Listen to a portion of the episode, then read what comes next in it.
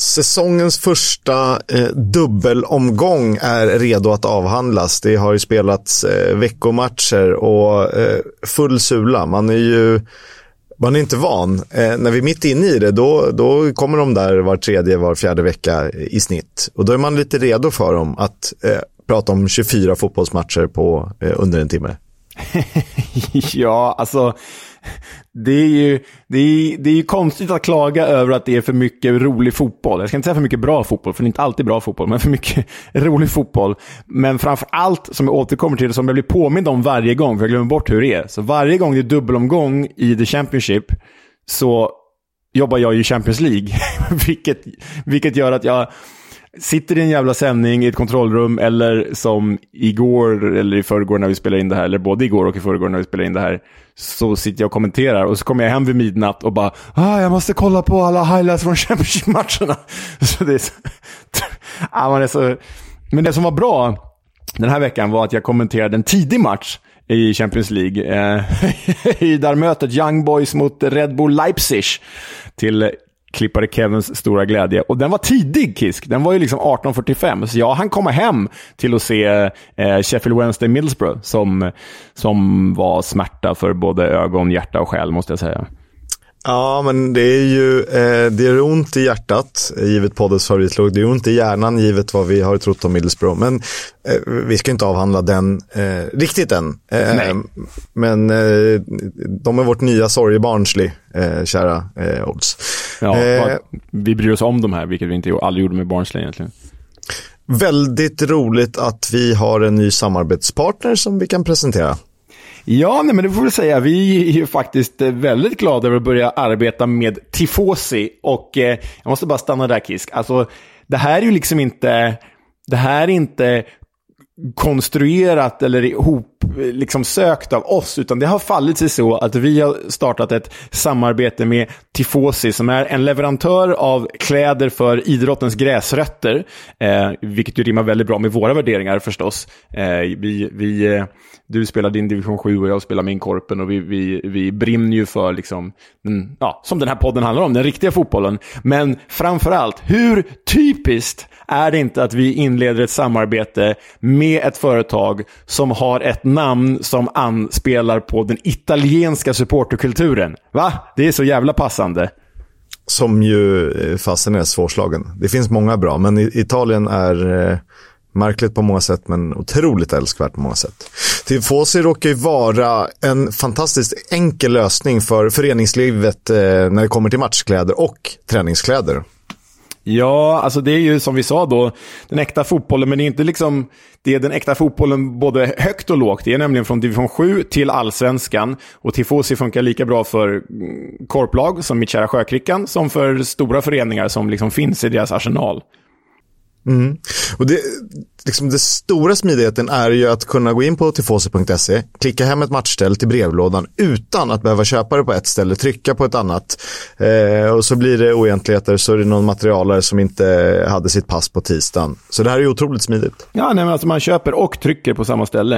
Eh, det låter ju det, det, låter som att det inte borde vara framtiden, men det är typ framtiden. Det känns som att någon borde gjort det här tidigare.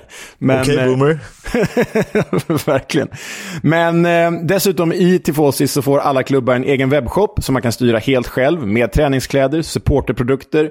Jag menar om du vill ha en eh, klubbslips eller, eh, jag vet inte, jag ska inte utlova produkter som de inte har. Men supporterprodukter, det kan vara liksom, ha en dialog med Tifosi, de kommer säkert lösa det. Och allt som beställs trycks av Tifosi och levereras hem till respektive medlem, vilket ju är en jäkla trevlig lösning faktiskt. Eh, allt är dessutom till väldigt bra priser, vilket gör att klubben till och med kan göra en liten förtjänst. Och eh, på tal om förtjänst, nej, skämt åsido, vi vill ju att våra lyssnare är snyggt klädda.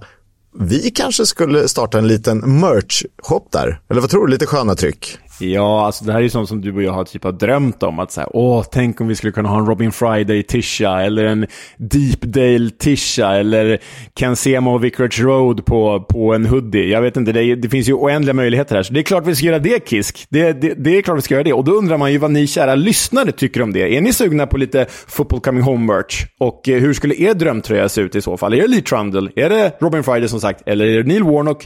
Åh, tänk om det skulle vara Mitrovic Kisk. Eller Billy Sharp! Ja, du förstår. Ja, vi kanske också ska kika lite mot arenahållet. Det finns ju ganska schyssta print man kan ha. Eh, dessutom finns det en rad olika eh, läckra arenanamn, eh, White Hart Lane, eh, även om den inte platsar i den här podden. Eh, vad tycker ni lyssnare? Eh, ni kan göra era röster hörda till EFL-podden. Ja, och eh, är er klubb eller ert korplag sugna på detta så kan ni skapa ett konto på tifosi.se, alltså T-I-F-O-S-I.se. Eller kontakta Fredrik på Tifosi. Han har adressen Fredrik med K. Eh, at tifosi.se, alltså Fredrik at tifosi.se. Och som bonus så kan vi ju tillägga att Fredrik är Southampton-supporter, så ni kan ju köta en hel del fotboll med honom och kanske framförallt The Championship. Men eh, han förtjänar ju lite eh, stick nu också, givet hur eh, risiga Southampton faktiskt är.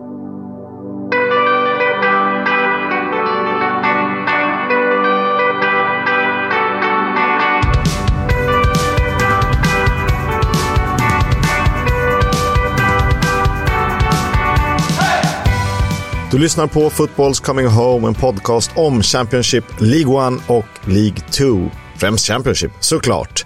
Jag eh, som leder er ute i eten heter Oskar Kisk och har eh, givetvis min bundsförvant vid min sida, om än eh, digitalt. Ja, jag är ju ständigt närvarande och vi vet ju vad jag heter vid det här laget. Vi borde göra det efter två och en halv säsong, så vi, vi låter det vara osagt. Johnson Clark Harris. Jajamän. Där ute i Täby. Det var eh, så här, en händelserik omgång, men inte så spektakulär. Eller hur? Ja, Eller? det är ju nå, något resultat. Alltså om vi talar om helgen Ja, då. vi talar om helgen. Nej, men det är väl något resultat som står ut. Jag tänker väl kanske framförallt på dundermötet eh, Southampton-Leicester. Men dit kommer vi ju. Eh, annars håller jag nog med. Annars var det inget jättespektakulärt så. Eh... Kul att du nämner den matchen. Den spelades ju eh, på fredagen samtidigt mer eller mindre som Hull Coventry. Den matchen eh, väldigt rugby-derby-kompatibel. eh, Hull Coventry slutade ju alltså 1-1. Ja, det gjorde det. Och eh, det var ju så att Joel Latibaudière den från Swansea inhämtade backen eh, gjorde mål för Coventry när han gav gästerna ledningen. Men eh, sen satt det ganska långt inne för Hull som spelade bra, spelade bättre, skapade fler chanser. Borde nog ha vunnit, men kvitteringen kom väldigt sent genom Aaron Connolly tre minuter från slutet. Hans fjärde mål för säsongen sedan flytten från Brighton. Och den här matchen borde ju Hull faktiskt ha vunnit, givet hur det såg ut. Så är det. Det som är lite intressant att eh, båda de här lagen, Hull och Coventry, förlorade sina premiärer. Sen dess är de obesegrade obesegrade. Eh, ett gäng kryss under bältet, men eh, så är det med det i alla fall. Mm.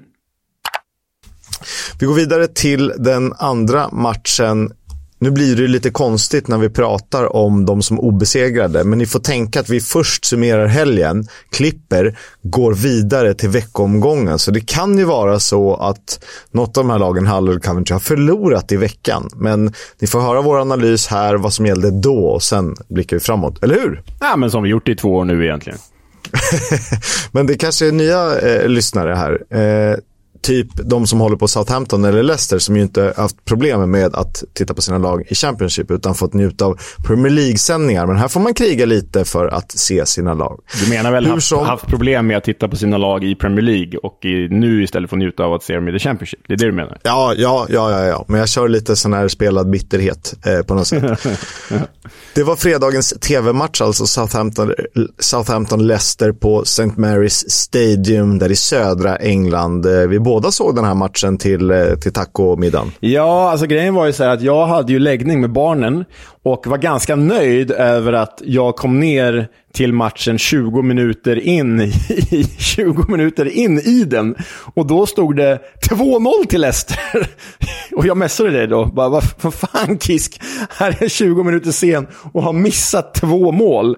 Så går jag och, ursäkta språket, pissar efter att jag skrivit det till dig. Kommer tillbaka och då har Southampton reducerat. Så på de första 25 minuterna har jag lyckats missa tre mål. Det var ju en deppig personlig start för mig i alla fall. Ja, jag hade också ansvar för nattningen och eh, var klar i väldigt god tid. Eh, man hann duka upp någonting att äta, någonting att dricka. Eh, lite sen med att eh, dra upp skärmen och eh, klicka igång sändningen. Så att jag missade också ett mål, Jamie Vardys tidiga 1-0 mål. Vad gick det, 21 sekunder eller något sånt där va? Mm, precis, det var ju liksom bara som på ett snöre och så satt den i mål. Eh, äh, men, eh, och det här ställde ju förstås till det för Southampton som ju, även om de reducerade 25 minuten genom Samuel Edosi så var det ju Alltså var det svårt att säga kört, men givet att liksom statistiskt sett hade de ju ändå eh, bollinnehavet om än bara 55 procent och de hade lika många eh, avslut på mål som Leicester, men Leicester visade ju att de är ju ohyggligt mer effektivt framför mål. De kändes ju, tycker jag, mycket vassare hela matchen. Ja, jag vet inte om man ska säga på hugget eller på tårna, men liksom den där sista eh, 10 procenten som behövs för att vara ett riktigt bra lag tycker jag Leicester har visat. Det tycker jag inte Southampton visat. Det gör de inte här. Intressant är med bollinnehavet att de hade 55 procent. Det är vi inte vana vid när det kommer till Russell Martin-boll. Så att eh, de fick ju inte matchen dit de ville på något sätt. För vanligtvis kan man ju se hade det stått eh, 0-2 till bortalaget mot Southampton, vanligtvis under Russell Martin tänker man ju kanske nästan upp mot 70 procent. Ja, ja, nej, verkligen. Men alltså, sen var det ju vissa... Tycker vi, Southampton har ju många på pappret väldigt bra spelare som inte alls lyckades stå ut i den här matchen. Och så jämför man med Leicester där liksom Steffi Mavididi, nyförvärv från Montpellier, hade stor show. Han liksom lekte och skojade med de där ruggigt vilsna Southampton-försvararna, får man ju säga. Det här försvaret är ju efter eh, den här omgången, om vi räknar helgomgången, är ju sämst i serien. 16 insläppta mål, flest i serien. Vi vet ju att Russell Martin har problem med försvaret tidigare, men det här är ju äh, det är så bedrövligt så jag, jag inte vet hur jag ska ta vägen. Ja, det är faktiskt eh, riktigt dåligt. Och det ska tilläggas alltså 16 insläppta till och med helgomgången. Eh, sen gick det som det gick i veckan, råkar vi veta. Southampton som ju besegrade Leicester i båda mötena i Premier League förra säsongen. Ja, men eh, här känns det ju som att Leicester har split the coin. Leicester eh, känns ju... det är rätt roligt också, eh, för om man följde matchen på sociala medier så var det ju så att så fort eh, eh, Jamie Vardy gjorde det här 1-0 målet så började folk twittra om så här, Southamptons worst nightmare och så minnena till, vad är det, två, tre år sedan när Leicester borta slog Southampton med, vad var det, 9-0? 9-1? Ja, 9-0 var det va? Så det, eh, ja, det, det, det hade ju kunnat vara ännu värre. Det hade kunnat vara ännu värre. Eh, kul med fredagsmatch tycker vi som eh, bor på annat håll och kan, vill se så mycket som möjligt. Dumt att det är två fighter som krockar eh, kan man tycka, men eh, så blir det väl ibland av olika anledningar. Exakt. Vi går vidare till lördagsmatcherna. Eh, där hade vi Blackburn Middlesbrough. Den slutade 2-1, vilket betyder att i och med den förlusten så står Borough på 11 raka ligamatcher utan seger. Eh, vann senast i april, 9 eh, poäng på 9 matcher och så vidare. Men eh, tufft facit sen de började prata om eh, direktuppflyttning. Ja, nej, och det, vi har ju sagt det redan, alltså den här hösten beror ju på att eh, trupperna urarmas rejält. Man undrar ju vad som hände i våras som fick dem att liksom sluta leverera. Men det ser ju verkligen, verkligen inte bra ut. Och då hade ju eh, Sami Smodic då, vår lilla personliga poddfavorit, gett Blackburn ledningen med både 1 och 2-0. Och passande nog gjorde han ju matchens första mål samtidigt som Ewood Park körde en tyst minut, eller en sån här tyst minuts applåd för klubbens bortgångne speaker Matt, ska jag säga rätt här, Silly Toe, eh, som eh, ja, gått bort då, tragiskt nog. Det var timing i alla fall. Väldigt bra timing. Samme, samme Smodic. He, he. Det var lite roligt fick ju chansen att utöka 1-0 ledningen till 2-0 i början av den andra halvleken innan Matt Crooks, en eh, poddfavorit till rejäl och robust innermittfältare. Han ser ut som en gamla skolans centertank eller någon eh, alltså kraftig mittback. Men han, eh, han älgar på där på innermittfältet. Sen är det ju helt galen offside. Nej. Alltså vi pratar meter offside. Nej, den är ju, för att göra en referens till våra svenska lag så Eh, minns du när eh, HF fick ett bortdömt mål mot Djurgården för typ fyra år sedan? Rasmus Jönsson, när Rasmus Jönsson var två meter onside. Ja, jag kommer ihåg den. Jag kommer ihåg den. den. Så var det ju, fast tvärtom här. Då var han två, Rasmus Jönsson var två meter onside men dömdes bort. Här är han ju två meter offside, men målet står liksom. Märkligt. Eh, det här var Blackburns femtusende ligamatch. Och är de typ lag nummer sju i ordningen att nå det? Ja, det är något sånt. Det är ju, det är ju någonting som förpliktigar. Det är ju ett historiskt arv det här, kan man lugnt säga. Det är det definitivt. Eh, missades faktiskt chanser åt båda håll eh, som sig bör. Bland annat Lattelat som inte hade någon bra dag på arbetet. Och det blir ju det kräver sin man eller spelare att erkänna en skyttekung, vare sig vill eller inte. Lite som Ellie Sims eh, har ett stort, tungt ansvar på sina axlar när han ska ersätta Gyökeres till exempel. Eh, det är nog inte särskilt roligt. Nej. Eh, får någon annan kliva fram istället som i Coventrys Matty Godden gjort det med den äran. Verkligen.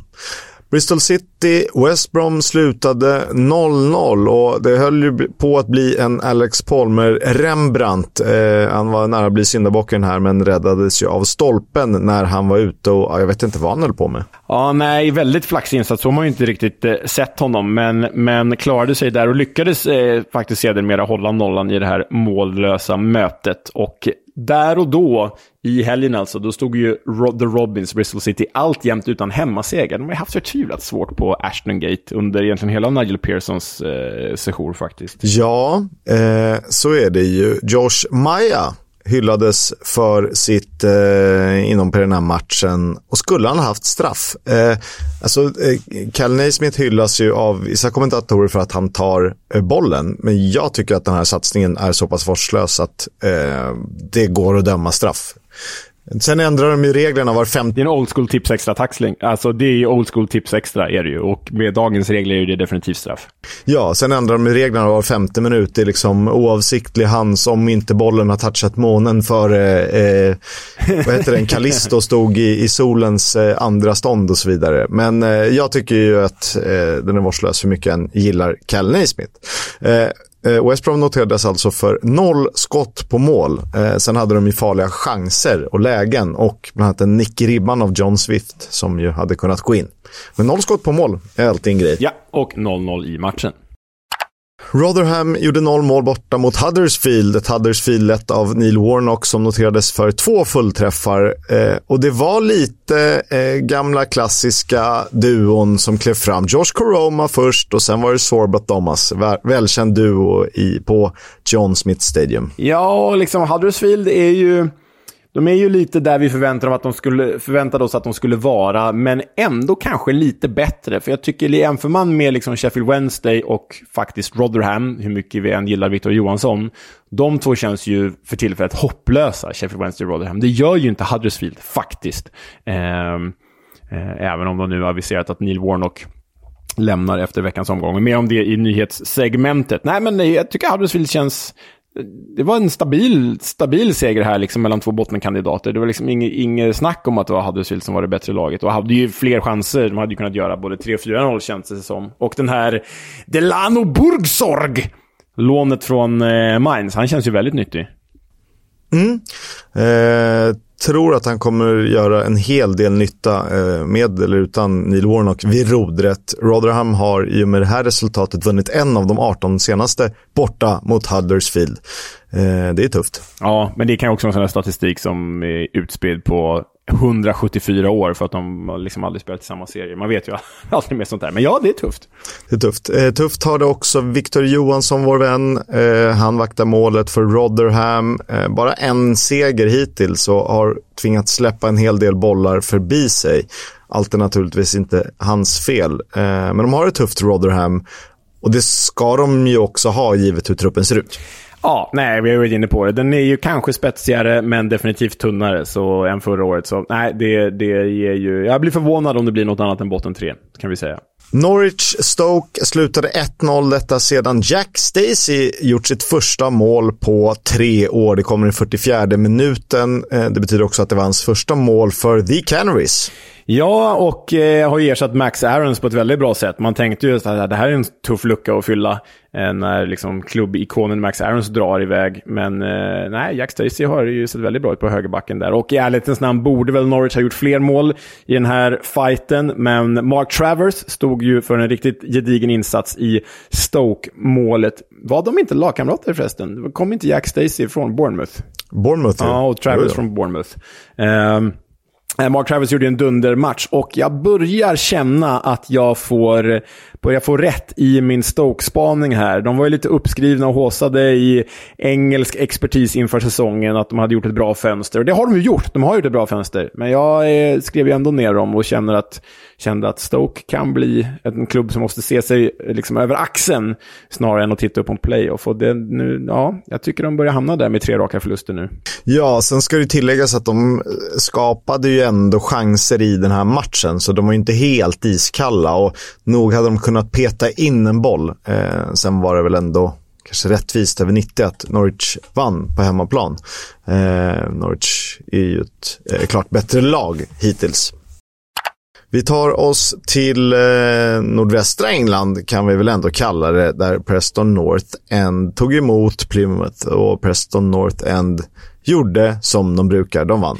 Ja, nej men alltså de har ju, Ryan Lowe har äntligen fått ordning på, det här, eh, på den här offensiven. För nu är de lika stabila defensivt som de var förra säsongen. Kanske inte förra säsongsinledningen, men överlag förra säsongen. Och nu gör de i alla fall två mål per match. Och då vinner de helt enkelt. För här blev det ju 2-1 mot Plymouth i detta som du har skrivit. Jag tror, jag att han aldrig på de här fånigheterna, men Derby de, Derby de la Ryan Lowe. För han, han kom ju från Plymouth till Preston North End för två år sedan. Ehm, och eh, ja, det, det, de hade avgjort det här efter 25 minuter. Då stod det 2-0 till PNI. Det hade de. Wayne Holmes, Liam Millar. Eh, sen klev eh, Ryan Hardy fram eh, sent om sidor med en halvtimme kvar. Eh, hjälpte föga. Eh, han eh, klev då upp i helgen, eller efter helgen var han ju i ensam skytteligaledning med fem fullträffar. Eh, sen har det ju förändrats. Eh, PNI var ju galet effektiva här, för siffrorna tillhörde faktiskt Plymouth, bland annat 33-67 i bollinnehav eh, på bortaplan. Men det, man behöver inte alltid ha bollinnehavet. Eh, det har vi fått se både åt olika håll. Nej, men eh, exakt. Och sen den här Liam Miller fastnar lite vid. Han är kanadensisk ytter som är utlånad från Basel till PNI, men fostrad i Fulham och Liverpool. Och så här på uppstudskisk, vilka fler är fostrade i Fulham och Liverpool? Jag begär inte att du ska ta alla, men någon. Jag tänker typ... Jajamän, mycket bra. Katja Niklic, va? Ja, det är väl typ någon sån Lauri de la eh, är, är, det fler vi pratar men, om? Men det var framförallt Katja Niklic jag var ute efter. Jag tror att det här var en eh, grej when we were kings. Mm. Eh, där, vi sök, där det söktes efter Katja Niklic. Eh, som då hade vunnit vad blir det? Eh, vad heter, eh, heter den? Eh, just det, just det. FA Youth Cup heter den. Eh, jag tror att han var en av dem. Eh, det fanns ch fler chanser för båda lagen som sagt, men PNI med segern här. Wow, vilken säsongsinledning de gör. Vi får nog stanna till vid dem när vi pratar veckomgången, även då. QPR, Sunderland slutade 1-3 och visst är det så att släkten är bäst? ja, det är en sån jäkla trött eh, klyscha. Men eh, ja, så är det ju. Men du tänker kanske framförallt på eh, Jack Colback här då. Så han, han känns som ett inside-jobb. Den tidigare Sunderland-spelaren, numera QPR, han blir utvisad efter 21 minuter i QPR-ledning och då var det ju fritt för Jack Colbacks gamla klubb Sunderland att vända på det här från 0-1 till 3-1. Ja, eh, och då, Kenneth Paul gjorde ju 1-0 i den 12 minuten. Jack Colback utvisad i den 21 och sen var ju QPR totalt utspelade.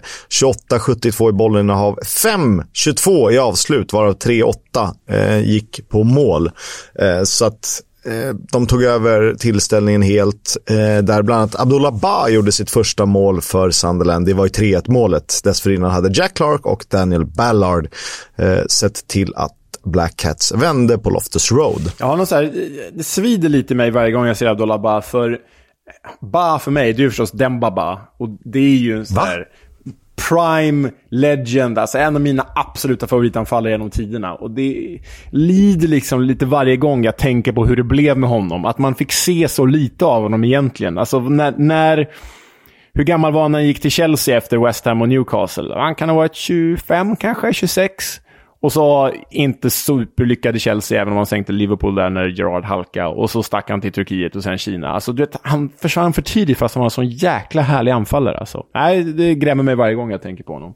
Sen var han väl rätt lyckad i, i bland annat Turkiet. Han gjorde väl vansinnigt mycket mål även där. Ja, ja jo, det gjorde han. Han var ju en otrolig avslutare. Men, men lite what could have been ändå, för han och Papi Cissé var ju galna. Ja, otroligt anfallsbara. Men Newcastle var trevliga.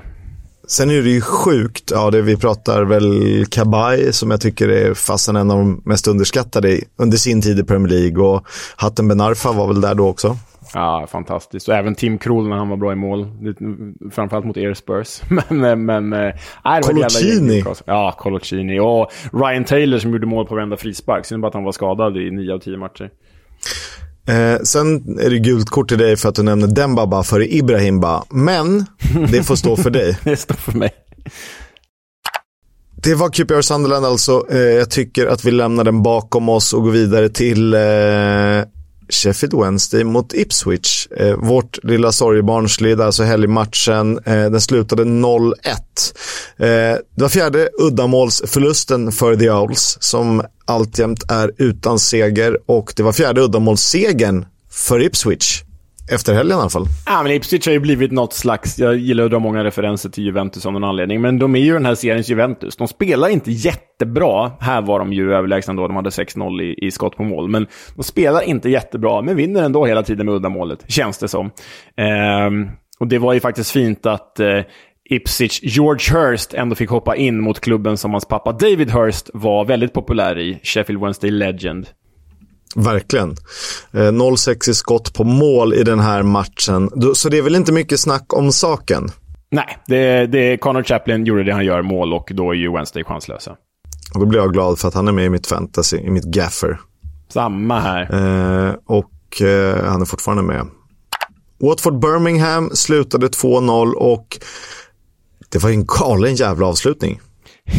ja, alltså det såg ju ut som en... Hade man tippat den här på förhand hade man ju typ tippat 0-0.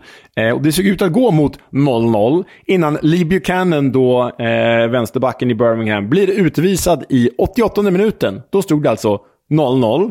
Men, vad blir det? Åtta minuter senare, när matchen är slut, alltså i 96 minuten, då har Watford gjort både 1 och 2-0 och vunnit den här fighten. Så ganska avgörande utvisning får vi väl säga. Eh, det blev nog så. Och, eh, det är såklart tufft. Jag tror nog att det hade blivit kryss vid 11 mot 11. Eh, Daniel Bachmann var faktiskt jättebra i den här matchen. Jag tycker att han har sett lite svajig ut inledningsvis, men han är, han är helt suverän här. För det finns chanser åt båda håll och Birmingham var precis så bra som de har varit i säsongsinledningen. Så att ingen skugga på dem för det här. Och Buchanan, ja, vad ska han göra? Eh, ja, nej, precis. Vad ska han göra? Det, det, det, det blev som det blev. Men vilken start från Mileta Rajovic. Verkligen rätt typ för Valerian lag. Nu har han alltså gjort tre mål på två matcher. Den gamla Kalmaranfallaren som inte hade gjort mål på, på månader här i Sverige. Nej, och eh, vi noterar också att eh, det var första målet för akademiprodukten Ryan Andrews, eh, spelar högerback vanligtvis. Eh, det kom 90 plus 6. Ja, galen avslutning på Vicarage Road alltså när Watford tog en välbehövlig Victoria för att eh, blicka uppåt mot där deras drömmar borde finnas. Det spelades en väldigt sen lördagsmatch. Eh, det var ett South Wales Derby. Det var alltså mellan Cardiff och Swansea. Ja, och Cardiff vann ju den här matchen med 2-0 och bröt då en ganska jobbig svit för dem. För det var deras första South Wales Derby-seger sedan 2021. Swansea hade alltså vunnit... De har väl fyra raka derbysegrar? De var dubbla dubblar. Ja, dubbla dubblar. Och det hade ju aldrig i historien hänt förut att något av de här lagen hade vunnit bägge matcherna en säsong. Nu hade ju Swansea alltså vunnit bägge matcherna två säsonger i rad. Eh, men det vände ju, det bröt ju Cardiff här. Mycket tack vare Ollie Tanner som hoppade in och satte ettan någon minut senare i den 70 minuten. Och sen var det ju Aaron Ramsey på straff som avgjorde. Cardiff var klart bättre. Jag såg den här matchen och det var ju snudd på överkörning skulle jag säga. Det, det här eh, fina Swansea som man ändå fått se under, under Russell Martin, eh, de, de finns ju inte längre. De har problem. Cardiff känns betydligt bättre. Men satan vilket eh, jävla pangmål det är, 1-0 målet av Tanner. Han viker in och så här, på klassiskt Arjen Robben-manér så distinkt trycker in den i bortre. Lätt skruvat men ganska hårt pressat också. Det, det, han har bestämt sig, den ska bara in där. Ah, ja, verkligen. Kul spelare att hålla koll på. Desto tråkigare att behöva bevittna det som sker i Swansea under Michael Duff. För hans start är en rejäl besvikelse. Jag vill minnas att vi i somras pratade om att så här, nej, det här kan bli ett lyft för klubben. Eh, då kanske det var med passusen att eh, Pirou får vara kvar, men eh, det här känns ju som att det är en tidsfråga. Ja, nej, det, alltså, det, beror på tålamodet. Swans har ändå varit bra på att ha tålamod med sina tränare och har gjort bra tränarutnämningar de senaste åren med, med Graham Potter, Steve Cooper, Russell Martin. Um, Michael Duff hade ju en liknande, inte riktigt lika dålig, men ändå en liknande inledning i Barnsley förra säsongen. Och så slutade de ändå fyra i League One och fick spela playoff-final. Så jag tror att det finns något där, men eh, jag är... Ja, vi får se. Jag, jag, ställer mig nästan mer tveksam till manskapet än till, till Duff, faktiskt. Så kanske det är, men det kan väl eh, krävas att man ska vinna förr eller senare. Jajamän. Söndagen bjöd på en tillställning. Den var eh, naturligtvis eh, händelserik. Och det finns ju en rik historia i den här eh, matchen också. Det var Millwall mot Leeds på The Den. Ja, det, det är en rik historia, men det blev ju inte så mycket av en jämn historia det här. För det blev ju 1-2-3-0 till Dirty Leeds som Millwall-fansen skanderar. Och eh, första målet som Joel Pirou avslutar, det är ju riktigt läckert. Det är ju så här, ja men du vet, Wenger Arsenal-fotboll när de liksom pillar och tiki-tackar sig igenom ett försvar och Jack Wilshere avslutar den genom att stöta in den. Det var ju ett sånt mål, eh, bara att Joel Perreault gjorde det istället. Riktigt läckert eh, Leeds. Och sen hann han ju göra ett andra mål innan Georginio Rutter dunkade upp den i krysset. Han har vaknat nu. Ja, jag tror det blir otroligt viktigt att få igång eh, Pirou. Nu har de honom att luta sig mot och så har de eh, väldigt mycket annan kreativ kraft på olika positioner som gör att eh, jag känner mig ganska bekväm med det här tipset att ha Leeds i toppen av tabellen när säsongen summeras. Ja, jag också. Alltså, jag, det här kommer bara rulla på. Jag blir förvånad om Leeds kommer komma något annat än, alltså något sämre än trea. Eh, så. Kanske att det redan är liksom redan är för sent för att komma ikapp Leicester höll jag på att säga. Men, men eh, eh Leicester och Leeds och Norwich känns väl som de typ tre starkaste på lång sikt, skulle jag säga.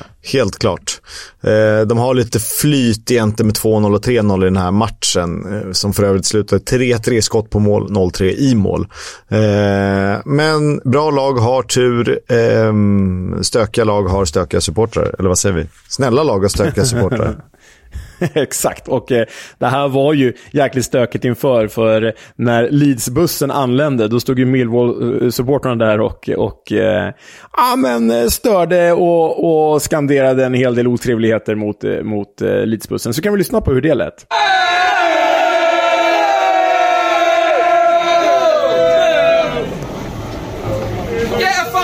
What's that on your head, Aiden? What's that on your fucking head?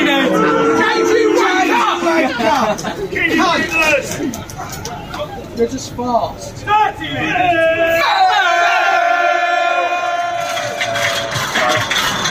Where's Summerfield, Dave? That's Camelot. He used to play for him. He, Rangers, yeah. He was good. You know? Use this cunt. Yeah. I want some butterfingers. All right.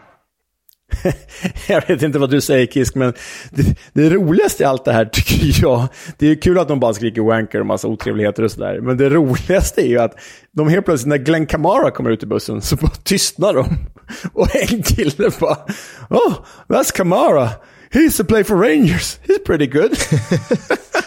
Så han bara tapp, de bara tappar konceptet när Glenn Kamara kommer ut. En jävla finsk, finsk defensiv mittfältare. Det är så här, brand, branding Millwall också. Att om det är någon spelare de ska hänföras av, då är det en begränsad defensiv finne. Det är ändå, det är ändå närvaro att kunna skifta så snabbt från hat till ändå ja, analys. Jävla roligt. Och så you fat bastard till Pirou som svarar med att göra två baljor. Ja, det är bra. Det är England för mig, lite som eh, det gråa Stockholmsvädret just nu. Verkligen.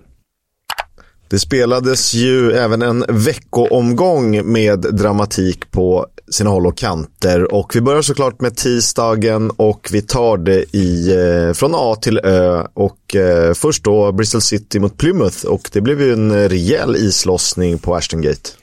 Ja, men en 4-1 till hemmaspelande The Robins och det har man ju inte sett på typ två säsonger sen du vet Chris Martin och Antoine Semenyo och Andy Weimann lekte med vartenda Men försvar. då, då blev det liksom 3-4. Ja, det blev de torskade ändå. Precis, de torskade ändå. Det blev 3-4. Här blir det 4-1 eh, efter mål av Sam Bell, Matt James, Mark Sykes och Harry Cornick. Och där är du en spaning, Kisk. Jag, har skrivit eh, lite taskigt, det är kvartetten med målskytt och det låter verkligen som fyra plattläggare från random engelsk stad. ja. Man kanske säger plattsättare, men, men ni fattar, det, är så him, det känns så himla engelskt på något sätt. Ja, en, en, en murare, en, en ja, jag vet inte om jag på något annat, men skitsamma. Sam Bell, Matty James, Mark Size, Harry Cornick. Jag tycker det är en bra spaning, den, den sitter fint. Och så ska det ju vara när vi pratar engelsk fotboll i den andra divisionen, det är klart det ska vara så. Naturligtvis. På tal om Matty James då, han eh, spelar sin tredje säsong i Bristol City. Det här var hans första mål på Ashton Gate. Han har gjort mål för Bristol City, dock aldrig hemma tidigare. Ja, just det här med att det är på Ashton Gate eh, är ju speciellt, för de har haft ganska mycket problem på hemmaplan ju under Nigel Pearson. Och nu, eh, nu dängar de till Plymouth rejält här. Och det, det vi pratade om, eh, som vi kan ta upp här också, det var att Bristol City är ju liksom eh, typ ett topplag. Hur kan det vara det? De känns ju inte alls så bra eh, hittills, tycker jag. Men eh, jag blev väldigt förvånad när jag såg att de ligger så bra till i tabellen. Med tanke på att man har liksom sett någonting och läst om alla matcher hittills i den här serien, vilket är ganska många, så känns det ju fel att Bristol City ligger sjua med 12 poäng och Plymouth på 18 plats med 7 poäng. Det nästan hade kunnat vara tvärtom och jag hade inte ifrågasatt det rent känslomässigt. Nej, alltså de har bara förlorat en enda match på sju matcher. Sen har de bara vunnit tre också. De har alltså tre segrar, tre oavgjorda, en förlust. Men det är en betydligt bättre start än, start än vad känslan är. Och som sagt, Plymouth, som vi har hyllat här, ja, de är ju Mm, så bra är de inte faktiskt. Nej, och, men i den här matchen kanske det ska tilläggas att de, de bänkade Mumba, Whittaker och Hardy som ju har varit offensiven. Det är ju deras offensiva trio också naturligtvis. Men de har ju varit så, så viktiga och det, det är klart att det gör skillnad. Och jag, jag fattar, det, det är 40, nästan 40 matcher, 39 matcher kvar. Så att det finns ju anledning att vila lite i veckomgångarna. Det blir ju nästan som att de vaskar den matchen när man tar bort hela den trion. Alltså att man kanske vilar en eller två, men alla tre. Ja, jag vet inte, jag tycker det var lite märkligt beslut av Steven Schumacher i Plymouth. Ehm, um, Cal Naismith spelade ju fram Harry Cornick till 4-1. Och det känner vi igen, Luton-paret som har eh, träffat varandra förut. Ja, det gör vi naturligtvis. Var ju superfina för två säsonger sedan när Luton nästan nådde hela vägen. Eh, sen löste de det ändå utan duon eh, när de hade lämnat eh, Kenilworth Road. Eh, hemmalaget hade ju alltid den här matchen och eh, Adam Randall noterades för en reducering. Eh, det var en blixt från klar himmel. Mer om det behöver vi nog inte säga. Och helt enkelt islossning, kanonfin insats av Bristol City. Kan de hålla i det så eh, kan de de har ju potential för att vara med och nosa lite i alla fall. Exakt. Cardiff, Coventry slutade 3-2 och eh, där åkte ju Coventry på sin första förlust sedan eh, premiären. Ja, eh, och jag vet inte, det känns som att Coventry har väldigt mycket mer i sig än vad de fått ut hittills. Visst, bara två förluster, men, och Matty Godden spelar ju som en gud. Han har alltså delad skytteligaledning, så han är ju som vi sa verkligen den som ersatt Victor Gyökeres. Men man väntar ju på att Haji Wright och Ellie Sim ska komma igång. För gör de två det, då är ju Coventry som sämst sjätteplacerade, är, är min känsla. Och jag vill bara tänka tillbaka på förra säsongen med Mark Robbins, med visserligen spets i Gyökeres och Gustav Hammer, men betydligt tunnare trupp. De låg ju typ på nedflyttning, vad var det, i december? Efter alla turer fram och tillbaka med deras arena och en dålig start och så. Och så nådde de ändå playoff-final till slut. Så de kan ju mullra igång. Det är det jag varnar för i alla fall. Ja, eh, någonstans lite, känns som lite oflyt också med en jäkla massa kryss på vägen och eh, det brukar jämna ut sig i eh, slutändan. Ja, men du vet mitt antigäng i den här serien alla de här säsongerna, det har ju varit Cardi FF. Um, ehm, jag börjar ändå gilla det jag ser här alltså. Visst, de, de eh, vinner, inte jätteövertygande, men de slår ändå Swansea i derbyt. De vinner mot Coventry här. Två segrar i rad för första gången sedan februari.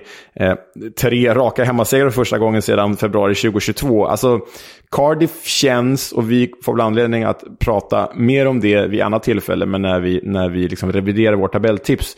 Men, men Cardiff känns ganska bra ändå. Ja, men eh, jag är beredd att hålla med.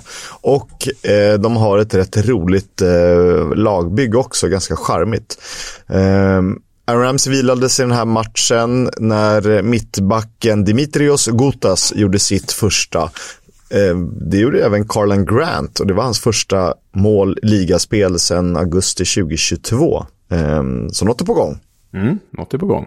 För övrigt väldigt Martin Dahlinsk nick. Han liksom dyk skarvnickaren där borta. Ja, faktiskt, när du säger det. faktiskt. Hans första mål för Cardiff. Cardiff ja. på plats 10 i tabellen och ytterligare ett lag som är där och nosar. Eh, ett lag som har tagit fast serieledningen och eh, verkar inte jättesugna på att släppa den. Det är Preston North End. Ja, möter möter Birmingham hemma, vände 0-1 underläge och vann med eh, 2-1. Jag måste ju bara flika in att det här Fulham-lånet, Jay Stansfield, som gör Birminghams eh, mål i den här matchen, vilken värvning alltså. Det där kommer ju nog sammanfattas som en av säsongens bästa värvningar. För han har ju, har ju, verkar ju vara den spjutspets som, som Birmingham har letat efter ett par år. Men nog om det. Birmingham förlorade ju. Det här var ju sjätte raka segern för PNI. Dessutom fjärde 2-1-segern och femte uddamålssegern. det är helt sjukt. Make ja, of det... it what you want. Men, eh, och i och med det så är de ju faktiskt alltjämt det enda obesegrade laget i den här serien. Ja, och om vi ska göra det ännu bättre så är faktiskt Preston North End numera ett av fem lag i Championship-historien som har tagit 19 poäng på de sju inledande matcherna. Det är ju alltså ett delat rekord i en säsongsinledning i The Championship. Så bra har de varit. En oavgjord och resten segrar. Ja, eh, superimponerande. Och nu var det väl första målet för eh, Milutin Osmajic, eh, rekordnyförvärvet. Eh, kan vara bra att få igång en sån spelare också. Eh, sen var det väl eh, inte rättvist eh, den här matchen. Eh, Birmingham borde nog ha fått med sig minst en poäng. Ja, absolut. Men jag vill stanna vid Osmajic här. Han är ju liksom inte lika stor som den gamla Birmingham-anfallaren Nikola Zigic. Men han är stor. Vad måste, han måste lätt vara lika lång som jag och så bred som ett jävla utedass. Plus att han är montenegrin. Det tycker jag adderar en extra krydda. För montenegrinska anfallare, vi som gillar Serie A med Stevan Jovetic och Mirko Vucinic, vi vet ju att de är rätt härliga att följa. Därtill att de då kan växla mellan Will Keen och Milutino Smajic. Det känns, alltså jämför med förra året där de inte ens kunde träffa en lada även om de stod inuti den. Så, så nu känns ju PNI e som att de har alla pusselbitar på plats faktiskt. Ja, Eh, lite sårbart eh, känns det som. De, det känns inte som det bredaste laget. Fördelen är väl att de kanske inte är jätteberoende av eh, eh några stjärnspelare. Lite, alltså, Gustav Hammer och Gyökeres för Coventry, om vi tar, jämför dem, de var ju väldigt viktiga. Eh, här känns det mer som ett lag där eh, alla kan steppa upp. Exakt, ja, jag håller med. PNI är lagmaskin och eh, det gillar man ju superimponerade hittills. Eh, rätt i spaningen, fegt att inte sätta dem högre naturligtvis. Eh, QPR Swansea slutade 1-1 och det var Lyndon Dyke som räddade en poäng för hemmalaget Ars. Och eh, efter det sena segermålet så har Swansea sex raka utan seger och det här är klubbens sämsta start på 32 år. Ja, herregud alltså. Vi, eh, vi får se hur det går för The Swans som nästan på dagen tio år sedan slog Valencia i Europa League under Mikael Laudrups ledning. Så tio år är lång tid i fotboll. Med 3-0 dessutom. 3-0. Tio år är lång tid i fotboll, men det är ändå, jag menar, så långt bör de inte ha fallit från det de faktiskt en gång var. Nej, det, det är något fotbollstragiskt över Swansea, tyvärr. Som dessutom hade Charlie Pacino på bänken hela matchen och Yates blev inbytt. Så de vilade också lite viktiga pjäser. QPR är ju eh, inte skitbra på hemmaplan och eh, när, när jag läste så stod det så här, de har vunnit en match på Loftus Road sedan oktober förra året, så bara, men det kan inte stämma. Och så kollade, dra på trissor. dessutom i alla turneringar och eh, till och med träningsmatcher räknas väl in där. Så att eh, det ser mörkt ut. Ja, det ser mörkt ut. Och eh, Gareth Ainsworth har ju pratat om det här, vikten av att eh, göra Loftus Road till eh, ja, men ett läskigt fort igen. Desperate to get this home form turned around because it's such a place to get going. You know, honestly, it's once we can crack it and we can get this home form going, people will fear coming to Loftus Road. And and at the moment they're not doing, but it's going to be a small change. It's going to be a small piece of luck. It's going to be a win that will get us back on that that track, and that could come tomorrow night. Desperate to get this home form turned around because it's such a place to get going. You know, honestly, it's once we can crack it and we can get this home form going, people will fear coming to Loftus Road, and and at the moment they're not doing, but. It's going to be a small change. It's going to be a small piece of luck. It's going to be a win that will get us back on that that track, and that could come tomorrow night. Jag vet inte vad du känner Kisk med Gareth Ainsworth. Det är klart han har en poäng i att de måste börja vinna på hemmaplan igen, förstås. Men... Eh, jag har liksom gått från att tycka att Gareth Ainsworth är en jättehärlig typ och svincool och en frisk fläkt i fotbollen till att tycka att han är väldigt, väldigt, väldigt, väldigt cringe. Var, var står du någonstans i, i, i uh, Gareth Ainsworth-bedömningen? Um, man gillar ju pudelrockan uh, och Wickham och all, allt vad det innebar. Uh, sen kom man till QPR och då kändes det så här, ah, gud vad tråkigt. Men så tycker jag fotbollsmässigt ändå att det har växt. Att han liksom, fastän han gör vad han kan med de medel han har fått tilldelade. Men utanför planen, det började ju egentligen med hackan om vi ska prata cringe. ja, verkligen. Ja, men så att det är lite telefon. Nu börjar det liksom nästan svänga eh, lite kring, alltså cringe-delen är kvar, men ändå att på planen är rätt skön.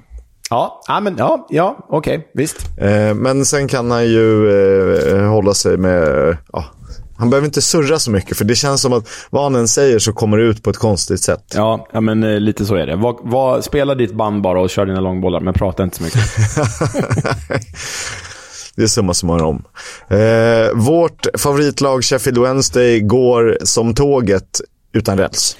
Ja, alltså jag eh, sa väl det i inledningen av det här avsnittet. Det är så länge sedan nu. Långt avsnitt. Men att när jag kom hem från att ha kommenterat en Champions League-match där i tisdags så ehm, såg jag andra halvlek här, Sheffield Wednesday, Middlesbrough, och det, är ju, det var ju bedrövligt. Alltså det var ju bedrövlig fotboll. Från bägge lag ska sägas, alltså, inte bara Wednesday, utan Middlesbrough är ju inte bra heller. Och så slutar 1-1, mål av Anthony Mosaba för Wednesday, Daryl Lenny för Middlesbrough. Absolut inte vad lagen behövde och om jag tänker rätt nu så har väl då inget av lagen en enda seger den här säsongen va? Det är helt rätt. De har ju tillsammans plockat hiskeliga fyra poäng. Två poäng var alltså. Ja, herregud, det är målskillnad alltså. som Ja, Middlesbrough, är... Middlesbrough jumbo då med sämre målskillnad än Wednesday.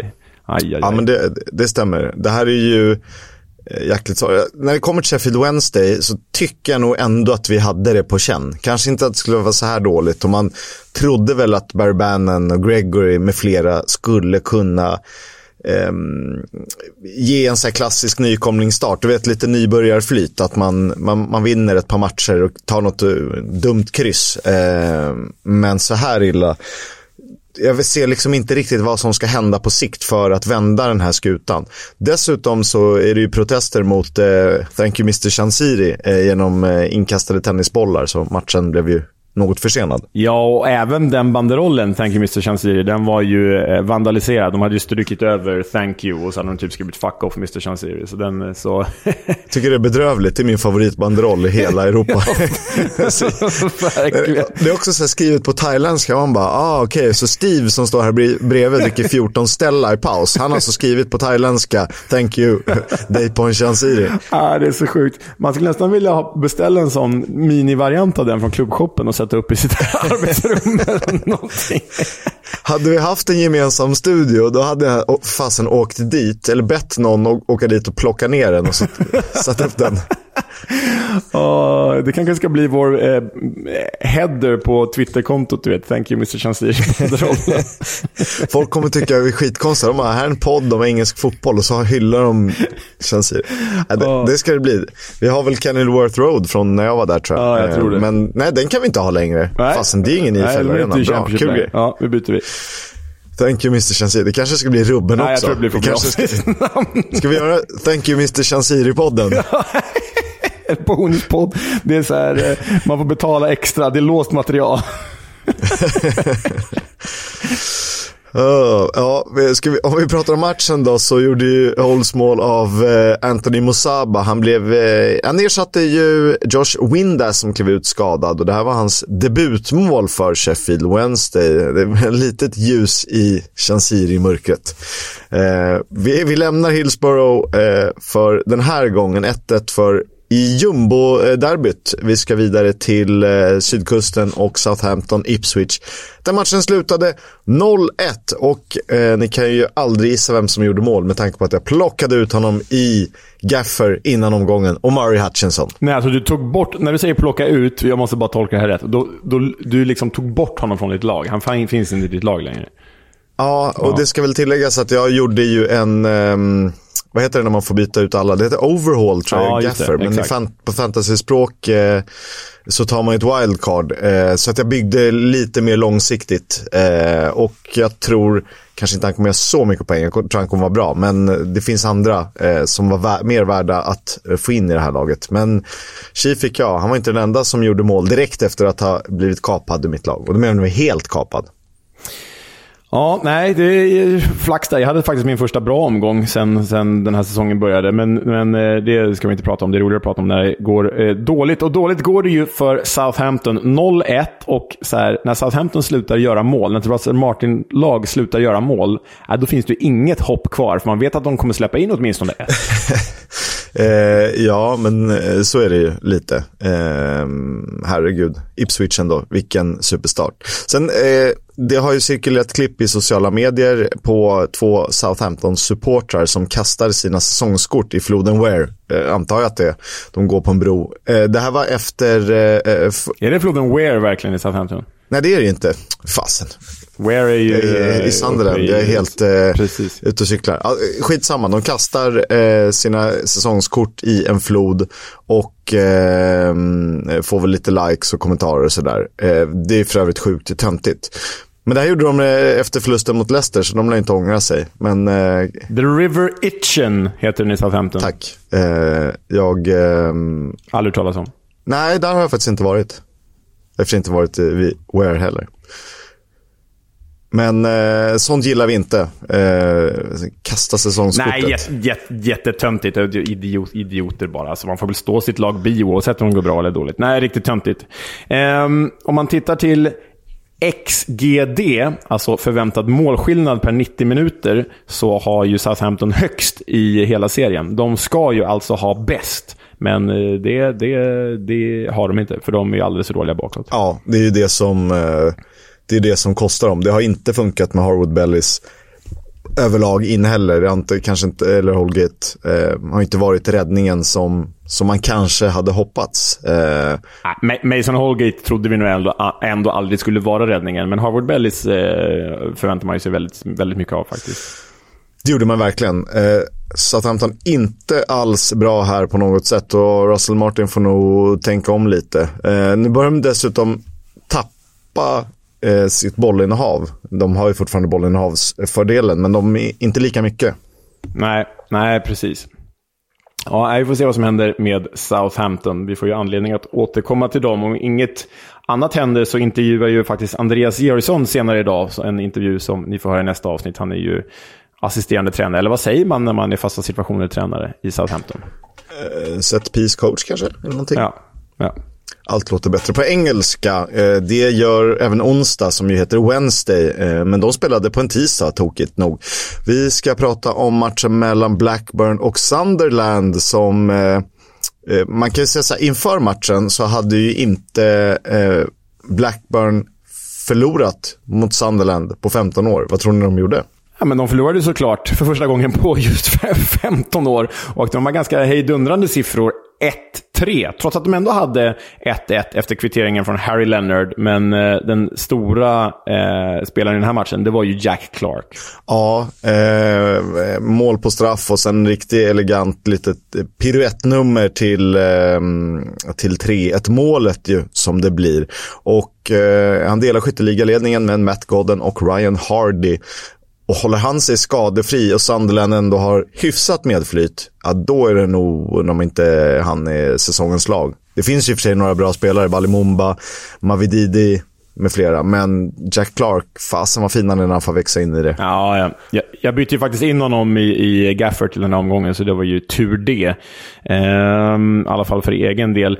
De lider ju, vi har varit på det förut, Sunderland lider ju inte så mycket eh, utöver att ha sålt eh, Ross Stewart. Sen var, visst, han var ju skadad eh, ganska länge så det är ingen skillnad. Men det kan ju vara en försäljning som sprider dålig stämning och fler kanske känner likadant. Men här verkar det som att man har tagit det med gott mod. Vad har de på de fem senaste fyra segrar ett kryss. Ja, precis. Och det här är ju då utan att ha hittat en anfallare som gör mål. Tänk om de lyckas hitta rätt där. Välja någon av sina obskyra anfallare som faktiskt börjar göra mål. Då känns de ju eh, väldigt farliga helt plötsligt. Så äh, den där dåliga säsongsinledningen, den kan vi nog glömma. Sunderland kommer nog vara rätt bra. Det känns som det. Blackburn, eh, å andra sidan då, lite oflyt i den här matchen. De hade ändå statistiken. Sen har de ju en galen trippelchans. Den kan ju förvisso bara leda till ett mål, men eh, Anthony Patterson i Sunderland-målet gör eh, det mycket, mycket bra. Det är många som ska dit och peta in bollen, Sami Smodic bland annat. Men eh, han stod i vägen och 3-1 slutade matchen för The Black Hats. Huddersfield Stoke eh, handlade inte så mycket om resultatet, men eh, en poäng där för båda lagen, 2-2 slutade. Det var ju ett värdigt avsked. Ja, för den gode Neil Warnock som eh, vi kommer att sakna eh, förstås och Huddersfield kommer att sakna. Det blev väl liksom, om man räknar alla hans eh, sessioner i Huddersfield så blir det här väl typ 132 matchen eller något sånt. Eh, rättvist resultat, 2-2. Eh, inte så mycket att säga om det, mer än att eh, Sead Haksabanovic svensk montenegrinen, men vi säger väl svensken, eh, gjorde sin första poäng för Stoke när han spelade fram till deras 2-1 mål på, eh, med en hörna. Ja, Kul, eh, kul för honom såklart, även om han inte har så mycket tid att vara med i podden, stackaren. Eh, vi får hoppas att det går bra för honom eh, den här säsongen. 2-2 alltså mellan Huddersfield och Stoke. Eh, M62 Derby spelades mellan Hull och Leeds. Mm, Yorkshire Derby om man så vill. Um, det slutade 0-0. Det hade man ju kanske förväntat sig om man tittade på det här med Hall-ögon. Det hade man inte förväntat sig om man tittade på det här med Leeds-ögon. Men Joe Rodon gjorde det ju svårt för sina lagkamrater när han visades ut i den 60 minuten. Således fick ju Leeds spela en man mindre i en halvtimme. Ja, Rodon har inte riktigt kommit in i det tycker jag. Hade ju i någon av matcherna när det ändå eh, släpptes in lite mål bakåt så tyckte jag att han var högst delaktig, eh, negativt sett då i det för Leeds. Och har väl inte, han hade några bra insatser i Tottenham, men annars känns ju hans nivå typ toppen av Championship. Så att hittar han in i det kan han nog bli nyttig för Leeds, men eh, nu får de klara sig utan honom. Ja, och det, han förstörde ju verkligen matchen här för, för Leeds. För före utvisningen hade de ju allt. De hade ju 4-0 i skott på mål och äh, de var ju bättre om någon. Men, men de ska ändå skatta sig lyckliga, för det var ju en sanslös Tigers-miss i slutet av matchen när Adama Traoré eh, har öppet mål framspelad av Aaron Connolly och ja, missade det öppna målet eh, helt enkelt. Där borde de ju avgjort matchen, förstås. Rakt i stolpen. Eh, Aaron Connolly fortsatt pigg. Han kommer bli supernyttig för Hall. Han är redan nyttig för Hall. Eh, men femte raka utan förlust för Daniel Farkes. Eh, Leeds är ju helt okej okay papper ändå. De kommer lyfta. De har ju redan börjat lyfta lite. Ja, nej men de, som sagt, som sämst trea blir de.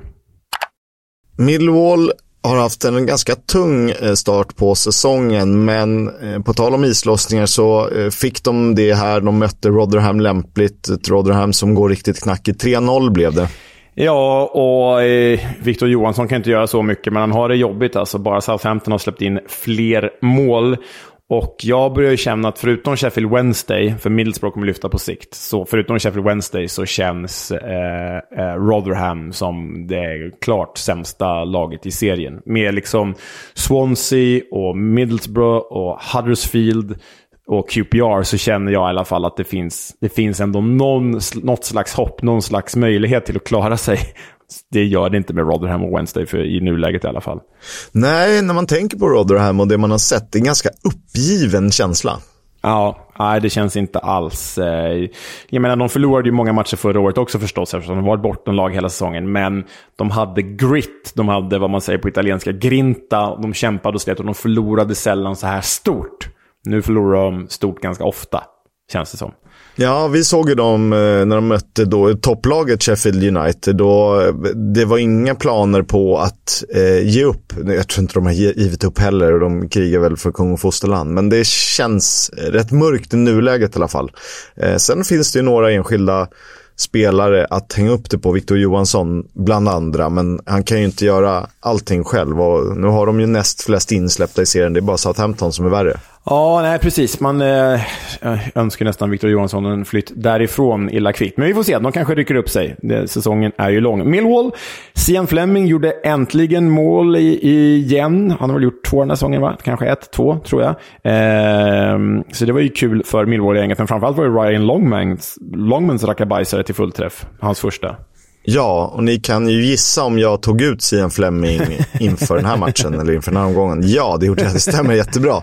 Så då vet ni det, att jag har taskig timing. Jag tog i och för sig in någon spelare som gjorde poäng. Så att, eh, you win some, you lose some. Ja, jättesnyggt mål av Longman när eh, han gjorde sitt första riktig pangträff i överkörningen på The Den 3-0 till Millwall alltså. Watford, West Brom, W. Fight slutade 2-2 och allt hände inom loppet av 25 minuter. Ja, nästan allt. Ja, alltså fyra mål på de första 23 minuterna. Tom Inns 1-0, John Swift 1-1, Jed Wallace 1-2, Matteus Martins 2-2.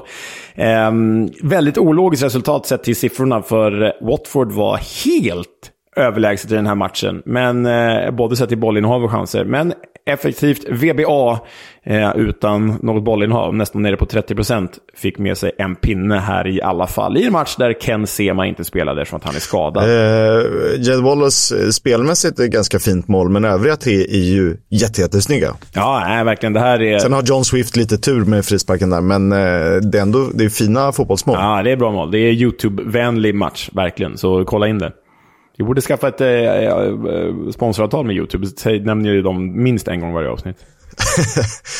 eh, lycka till. Du kan väl ringa, ringa ner till Googles huvudkontor och fråga efter sponsoravdelningen.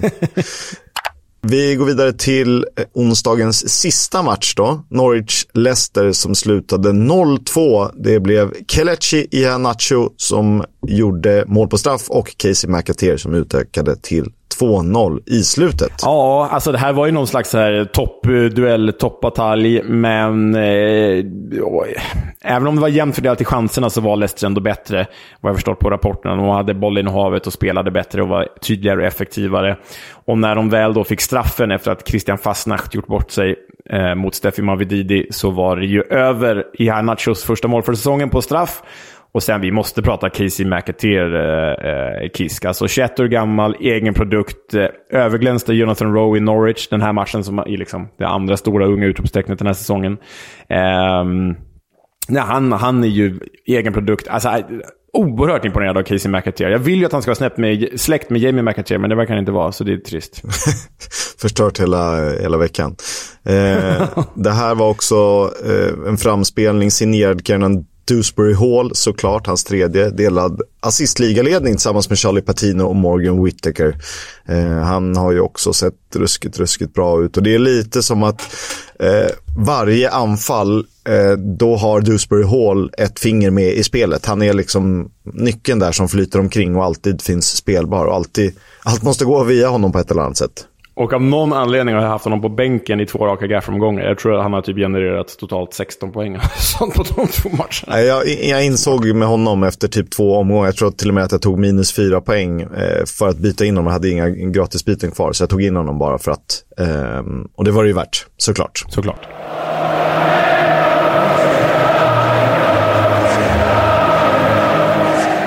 Fotbolls Coming Home sponsras av Stryktipset, ett spel från Svenska Spel, Sport och Casino. För dig över 18 år. Stödlinjen.se. Ja, det spelas en del rolig fotboll i helgen, bland annat match 8 mellan Middlesbrough och Southampton. Och jag väljer ändå att kalla det här ångestmöte, för det är två storklubbar som har betydligt högre ambitioner än de resultat som man har visat på planen. Och nu är ju förvisso Southamptons 10 poäng klart bättre än Boroughs ynka 2. Och många undrar nog hur Michael Carricks mannar kan vara jumbo. Men det lär väl ändras på sikt. För förr eller senare kommer ju segern och borde passa ganska bra när Saints kommer från tre raka förluster. Ja, inför kupongen kommer att vilja ha med ettan på ett eller annat sätt som lite roligt. Förmodligen finns det ju kanske lite värde där. Leo, har vi några kul matcher i helgen förutom den? Alltså det är en helt otrolig helgkisk. Det är alltså match fredag, lördag, söndag, måndag. Satan vad trevligt. ja, på fredag Birmingham QPR och eh, min fru är bortrest. Så, så fort jag nattat ungarna ska jag... Åh, Birmingham QPR, det bara kittlar i hela kroppen. Eh, på lördag, om jag ska välja ut en där, då väljer jag ju det liksom avklippta fågelderbyt. Swansea mot Sheffield Wednesday 16.00. Vinklippt fågelderby i Wales. Det är en jävla rubbe. Ah, fy fan. Nej, de kommer att ha det jobb. Det blir säkert 0-0 i den matchen, men det är, det är kul med fotbollsångest. Söndag, Sunderland Cardiff. Då blir det åka av. Måndag, Coventry Huddersfield. Så ah, det finns mycket att göra i helgen. Satan vilken trevlig helg. Mm. Enligt eh, Sky Sports tidigare i veckan så var Charlton Athletic intresserad av Marti Cifuentes. Eh, de uppgifterna dementerades dock av Hammarby. Eh, vi vet ju att QPR var intresserade för, ja men det var väl typ ett år sedan, innan de anställde mm, Michael Beale, va? Nej, innan de anställde, vad heter han, gamla Blackpool, Neil Critchley. Då... Ryktena kring Cifuentes har gått från serieledande Championship-lag till typ mitten slash bottengäng i League One på ett år. Ja, alltså jag tänker så här, inte för att det är något fel att träna i Charlton eller League One, eh, men jag tänker Nej, det är en att... dröm.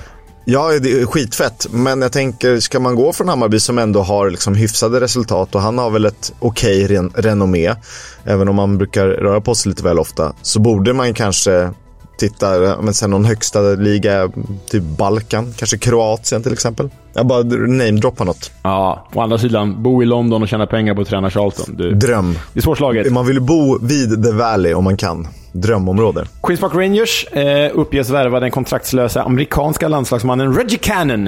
Eh, 25-åringen lämnade Boavista efter icke utbetalda löner. Det kanske han får ångra, för de leder ju portugisiska ligan nu. Å andra sidan vill man ju ha pengar för det man gör. Så är det. West Bromwich Albion förhandlar med potentiella nya ägare om ett övertagande värt 50 miljoner pund. Är företag från både USA och Mellanöstern som uppges vara intresserade. Nuvarande ägarna med eh, Gui... Vad, vad heter han? Gui Luchan. Guishan Lai. Guishan Lai heter han. Ehm, målet för honom är att, eller för dem är att sälja klubben redan i år och det känns ju välkommet. Sen, sen vet man inte om gräset är grönare på andra sidan. Det kan ju vara mörket och ruttet i, nere i märgen liksom. Ja, verkligen. Ehm, vi får se. Vi hoppas ju på att en sån fin klubb som West Brom kan faktiskt få lite bra ledning. Watford med sin jävla tränarcirkus som eh, vi hörde Ken Sema prata om i, i intervjun här om veckan som vi gjorde. Har ni inte hört den, lyssna på den, för det är en av de trevligare vi har gjort. Men eh, de uppges erbjuda Valerian Ismael ett nytt långtidskontrakt. Detta trots att deras tränare alltså kom i somras och redan sitter på ett treårskontrakt. Det känns, det känns väldigt trigger-happy Watford. De gillar att sparka eller gillar att säga här nu får du ett sexårskontrakt bara för att du varit här i tre månader och det gått okej. Okay. Jag, jag ska vara helt ärlig, jag fattar ingenting. De dojade Rob Edwards efter tio matcher när de låg på typ playoffplats. Och ja. nu ska de, ligger de på, eh, inte playoffplats, de ligger på 14 plats och då ska de, ja, ja, obegripligt. Nej, obegripligt. Man förstår inte riktigt vad, vad som pågår. För här kan det inte heller finnas några liksom, typ skattetekniska skäl eller du vet, du, delar, du gör, ja, Enzo Fernandes får en jävla nioårskontrakt för att slippa financial fair play-problem. Det ja. kan ju inte vara något sånt heller, antar jag. Nej, nej, nej, jag vet inte. Det är väldigt märkligt i alla fall. Mycket märkligt, det är det vi älskar. Eh, på tal om Watford då, kan se mig skadad väntas vara ur spel upp till sex veckor va? Ja, precis. Eh, så det är ju trist för honom och trist för Watford. Jag hoppas att han kommer tillbaka så fort som möjligt. King Ken. Och sen då har vi redan nämnt det, men Neil Warnock lämnar Huddersfield. Onsdagens match mot Stoke 2-2 blev hans sista i klubben. Han har sagt att han eh, faktiskt vill fortsätta träna, så karriären är inte över. Vi får se vart han dyker upp. Eh, kanske tar över Sheffield Wednesday till slut. Darren Moore tar i alla fall över Huddersfield och eh, det känns ju som eh, långsiktigt bra lösning för The Terriers. Alltså, eh, se det komma. Vi, har, vi är i liksom slutet av mars, början av april. Sheffield Wednesday har tagit liksom tre, fyra segrar. De är sådär sju poäng bakom. Announcement, Neil Warnock. Och sen klarar de kontraktet. Det som talar emot, det är ju att Neil Warnocks favoritklubb är Sheffield United och att han är liksom Sheffield United legend. Men känslan är ju att Neil Warnock typ ändå skulle skita i det bara för att få träna. Han lätt skulle ta Sheffield Wednesday och bli legend där istället om han fick chansen. Det som är så skönt är att han verkar ju älska sitt jobb. Och han verkar ändå ha lite studs kvar i dojan. För att det är inte så att det går uruselt. Sen förstår jag, det, kan, det är inte han som gör allt eh, det som är tränargärningen i, i Huddersfield. Men det har ändå sett okej okay ut. Ja, nej, men det har sett okej okay ut. Mm, absolut. 2,5 plus. Ja, nej, Olds lär inte ta över, men det hade varit kul. We'll have a chat about the fucking game. About your game, last few months, last few weeks. Fucking character. Dagen till ära eftersom Neil Warnock och Huddersfield har eh, gått skilda vägar så är det väl dags att vi har honom med i sitt eget segment va? Det tycker jag verkligen. Och det handlar ju om eh, Neil Warnock då som pratar om att han inte är så sugen på att kasta in handduken och bli heltidspensionär. Och eh, han hade nu inte stängt dörren till Saudi och det kan man väl förstå.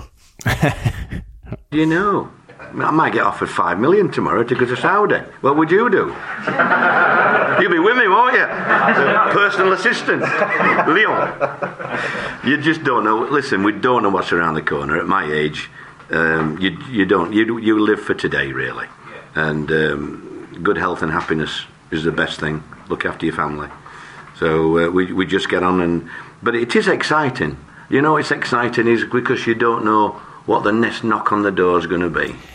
Ja, nej, det, det, jag hade ju verkligen inte blivit förvånad om han hade gått till Saudi. Nu tror jag inte att Saudi ville ha honom. Eh, eh, så jävla opassande med en sån Brexit-gubbe i Saudiarabien också. Men eh, då skulle ju min bild av honom svärtas betydligt mer än vad den redan är. Eh, han är ju liksom the least likable, the most likable old fart på en och samma gång. Svärta inte ner det ännu mer. Nej, han är, en, eh, han är en, eh, en lustig karaktär. Det vet vi. Hat, eh, kärlek till den gode Nock. Det var allt för idag. Kul att Tifosi är med på Fotbolls Coming Home-tåget. Eh, tack såklart till Stryktipset som är med vecka ut och vecka in. Och tack framförallt till er som lyssnar. Vi är tillbaka om en vecka då förhoppningsvis med en rykande färsk Georgsson-intervju. Det ser vi fram emot Leo. Det ser vi verkligen fram emot. Han är ju väldigt trevlig när vi har kontakt med honom. Så, så jag hoppas intervjun blir bra. Vi hörs! Hej, hej, hej.